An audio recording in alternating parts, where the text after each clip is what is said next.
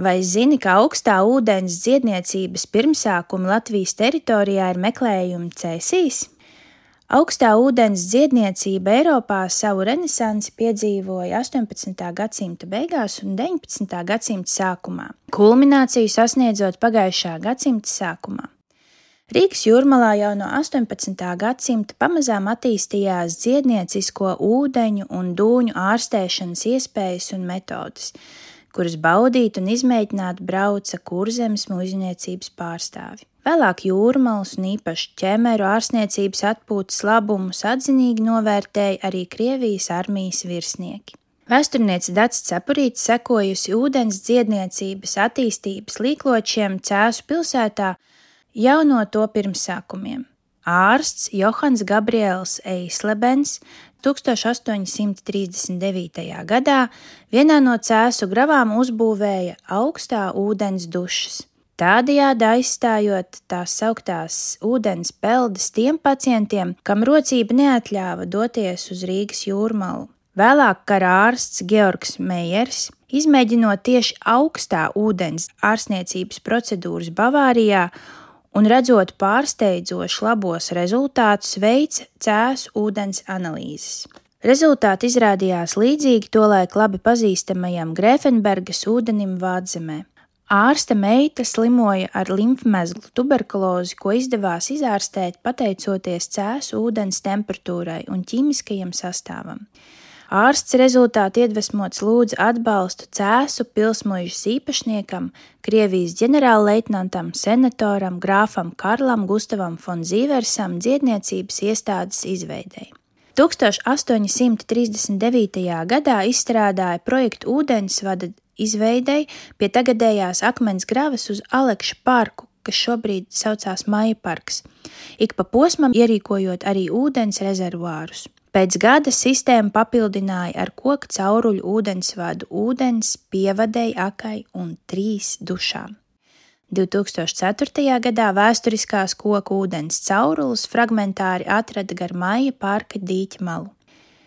Pēc pāris gadiem, 1841. gada vasarā, grāfs Fonzīvers savā pilī atvēra apmeklētājiem augstā ūdens dziedniecības iestādi pēc prīsnica metodes. Tas bija vairāku metožu kopums, kurā ietilpa diētas, kustības, svīšana, galvenais akcents uz augstā ūdens procedūrām. Procedūras piekopa dažādas kopējās vannas, pusvannas, sēdvannas, kāju un galvas un citu ķermeņa daļu vannas, dušas, apsmidzināšana, iekšķīgā lietošana un arī vairākas citas procedūras. Cēsu ūdens dziedniecības iestādes pirmajos trīs pastāvēšanas gados no 248 slimniekiem 219 atveseļojās. Sešiem nebija nekādi rezultāti, bet 23 bija vērojama daļēja atlapšana.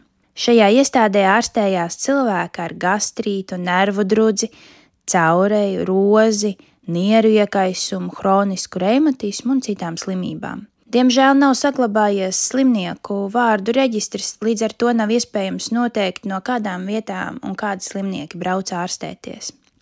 Ārstējoties cēsu pilsmužā, pacientiem bija jāievēro daži noteikumi, ko noteica grāfs Fonzīvers. Piemēram, pirms dušu un dzeramā ūdens akas lietošanas bija jāsaņem ārstā atļauja, kas rezultējās ar biļeti no muižas pārvaldnieka. Grāfs Fonzīvers kā saimnieks deva atļauju ārstam samazināt vai atbrīvot no maksas masturīgos, nabadzīgos saimniekus. Rūpējās arī par karā iesaistīto rehabilitāciju, nodrošinot visiem kara invalīdiem un viņu ģimenēm bezmaksas dzeramā ūdens akas lietošanu. Kopumā pacientiem piedāvāja tam laikam atbilstošu servisu dzīvokli ar vannu, pārtiku un kalpotāju īpaši iekārtotu dakteru māju pilsētā. Saskaņā ar vēsturiskajiem plāniem noprotams, ka cēs ūdens dziedniecības iestāde sastāvēja no dažādiem objektiem - akas, trīsdēļu mājiņas dušām, dārza un vairākiem citiem, un tie atradās cēsu pilsmuižas teritorijas dažādās vietās.